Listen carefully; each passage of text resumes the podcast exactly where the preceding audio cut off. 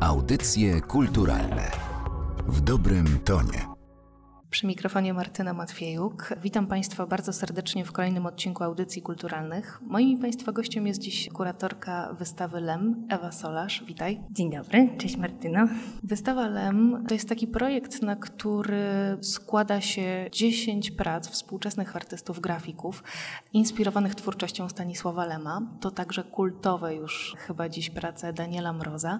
No i wystawa plenerowa od 9 września dostępna przed budynkiem Kordegar Gardy Galerii Narodowego Centrum Kultury.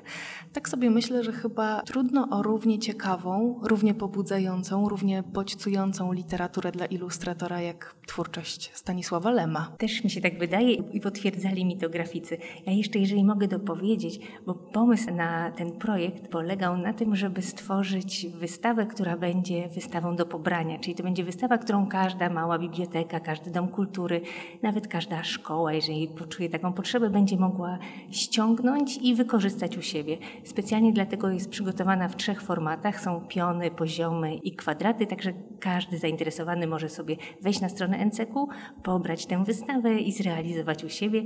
I rzeczywiście ta wystawa składa się z grafik przygotowanych przez ilustratorów, czyli z pięknych obrazów. Jak powiedziałaś, Lem jest wspaniałą inspiracją dla grafików.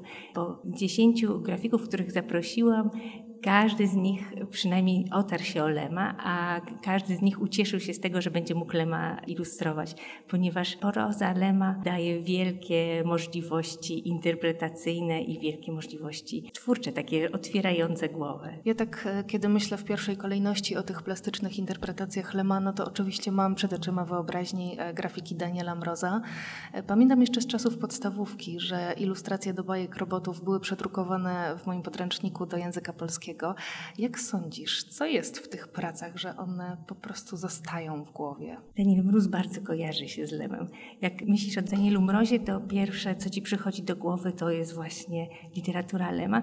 Lem sam uważał, że najlepsze jego ilustracje do jego książek to są właśnie te Daniela Mroza. Daniela Mroza, jeżeli ktoś kojarzy i pamięta jeszcze przekrój stary, ale i też nowy przekrój, te wszystkie rączki, on był odpowiedzialny za szatę graficzną całego przekroju. Te wszystkie rączki, rączki, winiety, okładki niesamowite, to jest też dzieło Daniela Mroza. A to, co mówisz, że w podstawówce mieliśmy, ja też pamiętam, i też się Lem i bajki robotów kojarzą właśnie z Danielem Mrozem.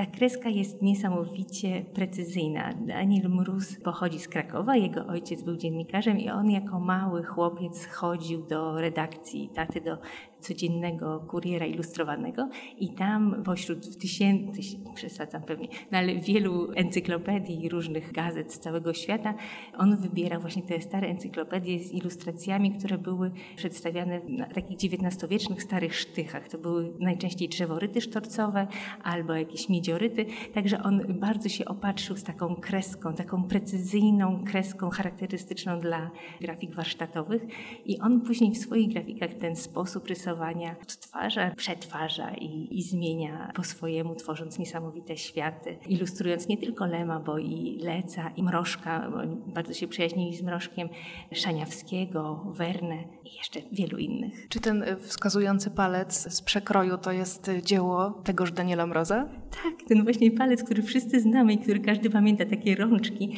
to jest właśnie nasz Daniel Mróz. Daniel Mróz jeszcze inspirował się bardzo i też poznał je bardzo wcześnie ilustracjami i grafikami Maxa Ernsta. Także te kolarze, bo nie wszyscy wiedzą, że Cyberiada miała dwa podejścia Mroza był do Cyberiady. Pierwszy był taki bardzo kolarzowy i taki bardziej XIX-wieczny, jak mówił Lem, a potem jeszcze raz Mróz zilustrował Cyberiadę i powstało to, co wszyscy znamy. Te grafiki, które też mamy na wystawie. Ja gdzieś napotkałam taką informację, że przy tym drugim wydaniu Cyberiady Stanisław Lem zgodził się na przesunięcie premiery, ponieważ czekał na te ilustracje Daniela Mroza chyba rzeczywiście bardzo lubił tego ilustratora. Bardzo mu zależało, dlatego zdecydował się na przełożenie premiery. Rzeczywiście bardzo cenił Mroza. Niesamowite jest to, że się wytworzyła w naszych głowach taka więź tego obrazu z, ze słowem Stanisława Lema. Myślę, że to jest też dobre miejsce na pytanie o to, jaka jest Twoim zdaniem w ogóle rola ilustracji w książce, a zwłaszcza w książce dla dorosłych. To trudne pytanie, bo dużo osób przerzuca się na czytniki i w czytnikach ta ilustracja jest jeszcze mniej widoczna. Ja myślę, że książka jest teraz taką użytkową rzeczą, zawsze była, którą szybko się przegląda i ta ilustracja jest tam takim miłym przerywnikiem, ale znam osoby, które kolekcjonują książki i w tych książkach kolekcjonerskich, tych, które się stawia na najważniejszych półkach w domu, tamte ilustracje są bardzo ważne, bo książki nie tylko się czyta, ale też ogląda. Kiedy byłam mała, moi dziadkowie mieli taką półkę z pięknymi książkami, to były bardzo duże wydania i my z moją siostrą, nie, nie potrafiąc nawet czytać, oglądałyśmy Mickiewicza, Sienkiewicza w takich wydaniach ilustratorskich i te obrazy zostały nam w głowach. Myślę, że po to też są te ilustracje ilustracji, bo to nie jest tak, że to są zawsze jeden do jednego ilustracje, zwłaszcza u, między Danielem Mrozem a Lemem była taka dowolność. I Lem pozwalał Mrozowi i Mróz pozwalał sobie na, na nieśledzenie dokładnie tekstu. To nie jest tak, że to są ilustracje jeden do jednego. Ja tak sobie myślę, że chyba jest e, trudno zatrzymać galopującą wyobraźnię naszą, kiedy czytamy Stanisława Lema i bardzo Państwu też polecam skonfrontować te obrazy, które Państwo mają w głowach z grafikami współczesnych artystów, które pojawiają się na tejże wystawie. Myślę, że jej siłą jest e, właśnie ten wielogłos, ta mnogość wizji, ta różnorodność. Każdy widzi Lema inaczej. Każdy widzi Lema inaczej każdy podchodzi do ilustrowania inaczej. Jedni ilustrują bohaterów, tak jak Adela Madeis portretowała do Solaris Kevina, czyli głównego bohatera. Inni pokazują jakieś impresje na temat. Niesamowitą ilustracją jest ilustracja Uli Palusińskiej. Ona dostała do zilustrowania Głos Pana i Głos Pana opowiada o poszukiwaniu rozwiązania zagadki, czym jest taki nadawany przez kosmos dziwny dźwięk. I naukowcy uważają, że to jest właśnie głos od kosmitów, głos od innej cywilizacji, która chce nam coś przekazać. Ale do końca nie jest to wyjaśnione i cały czas cała książka jest o takim poszukiwaniu. A ilustracja Uli przedstawia też zupełnie niezrozumiałe. Ciężko to opowiedzieć, bo to są takie graficznie, ja może nie chcę podpowiadać nawet, co, co to jest. Duża abstrakcja, można to zauważyć, to są kostki połączone i one są połączone w taką sieć neuronów, nie do końca zrozumiałą. I kiedy się pytałam Uli, jaki miała pomysł na tę grafikę, ona powiedziała, przyjrzyj się dokładnie tej grafice. Ja się przyjrzałam i rzeczywiście jak się dłużej popatrzy, mam nadzieję, że Państwo też mogą zrobić sobie ten eksperyment i dłużej popatrzeć, tam jest twarz, bo człowiek ma ma taką cechę, takie przyzwyczajenie, żeby szukać znajomych rzeczy w tym, co do niego dociera. Tak jak naukowcy szukali w, tych e, dźwiękach, w, tych, w tym zapisie z kosmosu właśnie głosu Pana, tak samo my szukamy twarzy Pana i jeżeli się dłużej przyjrzycie, to tam też znajdziecie twarz, nie wiem czy Pana, no ale jakąś twarz, jakąś taką amorficzną postać. Myślę, że też warto dodać, że tym grafikom towarzyszą cytaty oraz kody QR, za pośrednictwem których mogą Państwo dostać się do audio audiobooków. No i moje pytanie jest takie, jak powstawała ta część wystawy? Czy ty dobierałaś artystki i artystów do konkretnych książek, e, z którymi może ci się skojarzyli, czy oni raczej sami decydowali o tym, które utwory i które fragmenty będą ilustrować? Ja jestem okropnym kuratorem, który wszystko narzuca. To, to są moje, moje przemyślenia, kto mi najbardziej do czego pasował, tak to ustawiałam. E, niektóre rzeczy były oczywiste dla mnie. Na przykład e, Jacek Ambrożewski, on zrobił taką książkę, która była jego pracą dyplomową, dyplomową o zjawiskach paranormalnych w Polsce w latach 1900 któryś do 2012 roku i wiedziałam, że jemu muszę dać Eden, bo tam się właśnie pojawiają takie dublety, tacy, tacy kosmici, tak, których można przedstawić i one mi strasznie pasowały do tego, co Jacek robi, więc tutaj była oczywista sprawa. Tak samo miałam z Tymkiem Jezierskim. Tymek Jezierski już dawno wydawał mi się podobny do Iona Tichego. Nie wiem czemu, ale jak sobie czytałam Iona Tichego, to wyobrażałam sobie właśnie Tymka, więc dla mnie to było oczywiste, oczywiste, że Iona Tichego dam Tymkowi. Dużo współpracuję z Robertem Czajką i e, dużo rozmawialiśmy. Takie materiały edukacyjne, które powstały przy okazji wystawy, też robiłam z Robertem Czajką i wiedziałam, co Robert przeczytał już e, Lema i wiedziałam, czego nie przeczytał, więc wiedziałam, że dam mu powrót z gwiazd, bo mi się strasznie podobał, a wiedziałam, że on jeszcze tego nie czytał i że będzie musiał przeczytać. Więc to były takie różne historie i różnie dochodziłam do tych połączeń, ale tak ja to narzucałam autorytarnie. Czyli bardzo dobra dodatkowa praca domowa jeszcze e, nadrobić zaległości, e, jeśli chodzi o literaturę Lema. A propos czytania, e, napisałaś w tekście kuratorskim, że to jest wystawa przeznaczona dla obecnych i przyszłych miłośników prozy Stanisława Lema. Pamiętam, że Kiedy powstawał w tym roku mural z wizerunkami tegorocznych patronów literackich na patelni, to zastanawialiśmy się, czy street art y, może przyciągnąć odbiorców do sięgnięcia po literaturę.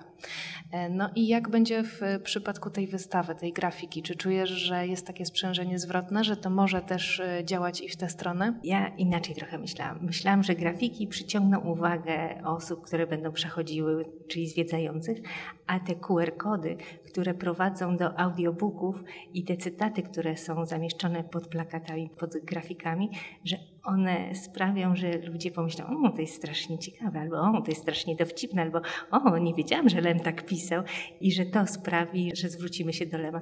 Ja często tak mam, że łatwiej mi wysłuchać książki albo nawet fragmentu książki, która zaprosi mnie później do przeczytania całej książki. Więc myślałam tak po sobie, tak, tak staram się robić wystawy, że jeżeli mi się coś podoba, to myślę, że się spodoba też innym, że jeżeli posłucha się fragmentu książki, to myślę, że to będzie taki impuls, taki bodziec, żeby sięgnąć później po jedną, po drugą, po trzecią i, i zacząć po prostu czytać Lema, bo bardzo warto, czego doświadczyłam przygotowując ten projekt. To dodajmy jeszcze, że ta wystawa jest tylko jedną z części szerszego projektu, który ma charakter edukacyjny. Tak, ta wystawa i ten cały projekt jest stricte edukacyjny i on właśnie ma przybliżyć twórczość Lema w związku ze stuleciem Lema, ale myślę, że wystarczy też na dłużej, że będzie mógł być kontynuowany później, nawet jeżeli nie będzie roku Lema. Składa się z trzech części. Jedna część to wystawa przed Kordegardą, którą otwieramy 9 września. Druga część to są wystawy do pobrania, które można pobrać i powiesić w domach kultury, w bibliotekach. Instytucje mogą je pobrać i pokazywać u siebie. A trzecia część, równie ważna i nie wiem czy nie najważniejsza, to są cztery scenariusze zajęć skierowane do nauczycieli, do bibliotekarzy, które pozwalają zorganizować ciekawe zajęcia dotyczące Lema. Tam są cztery panele. Pierwszy panel o robotach i tam jest i o bajkach robotów, i o Trurlu i Klapowcjuszu. Jest skierowany do najmłodszych dzieci. One wszystkie są powiązane z kartami pracy, także dzieci nie tylko mają prezentację, którą mogą obejrzeć z dobrymi ilustracjami, bo ilustracje przygotowali też ilustratorzy, którzy biorą udział w wystawie, ale też mają manualne zadania do zrobienia. Druga część poświęcona jest kosmosowi. Tam jest i o tym, jak kosmonauci żyją, co jedzą, jak się załatwiają, bo i o tym pisał Lem w swoich książkach, ale też dużo materiałów znalazłam na stronach NASA i to są prawdziwe informacje, czyli jak śpią kosmonauci, że są przyklejeni do ściany i przypięci paskami, co jedzą astronauci, co piją i też jest taki panel o Księżycu. Dużo informacji i jest też taka zabawa dla dzieciaków, żeby w, w otoczeniu swoim swoim znajdowali krajobrazy takie kosmiczne, czyli jest bardzo dużo zdjęć różnych planet, które z daleka wyglądają wspaniale i to są piękne zdjęcia, także można potem szukać takich podobnych powierzchni w lesie, w domu, wszędzie. Trzeci panel poświęcony jest samemu Lemowi i jego wizją przyszłości. Te prezentacje składają się głównie z cytatów z Lema, czyli to są cytaty albo z jego książek, albo z jego wywiadów, z pamiętników.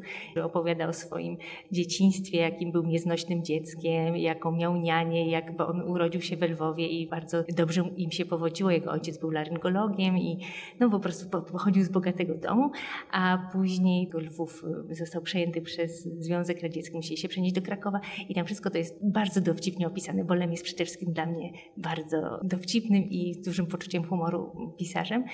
Tam są też wizje przyszłości, czyli jak Lem widział ubrania w przyszłości, jak widział seks, to jest duża, duża część, bardzo ciekawa moim zdaniem, też jak książki i inne rzeczy. I czwarta część to jest opowieść o kosmitach, czyli o wizji Lema, jak wyglądali, jak się zachowują kosmici i o tym, jakie jest miejsce Ziemian w tej, w tej całej kosmicznej galaktyce. I niestety, znaczy niestety albo stety, Lem uważa, że jesteśmy taką prowincjonalną, małą planetką i w wielu książkach o tym mówi. I to jest dobrze przeczytać to sobie i tak zdać sobie sprawę, że nie jesteśmy pępkiem świata i człowiek nie jest pępkiem wszechświata i nasza Ziemia też nie jest. I w tych materiałach pokazuje różne wizje Lema, jak powstała Ziemia i czasami no, nie są to chlubne dzieje. Tak, literatura Lema zdaje się być e, jeszcze bardziej aktualna z czasem.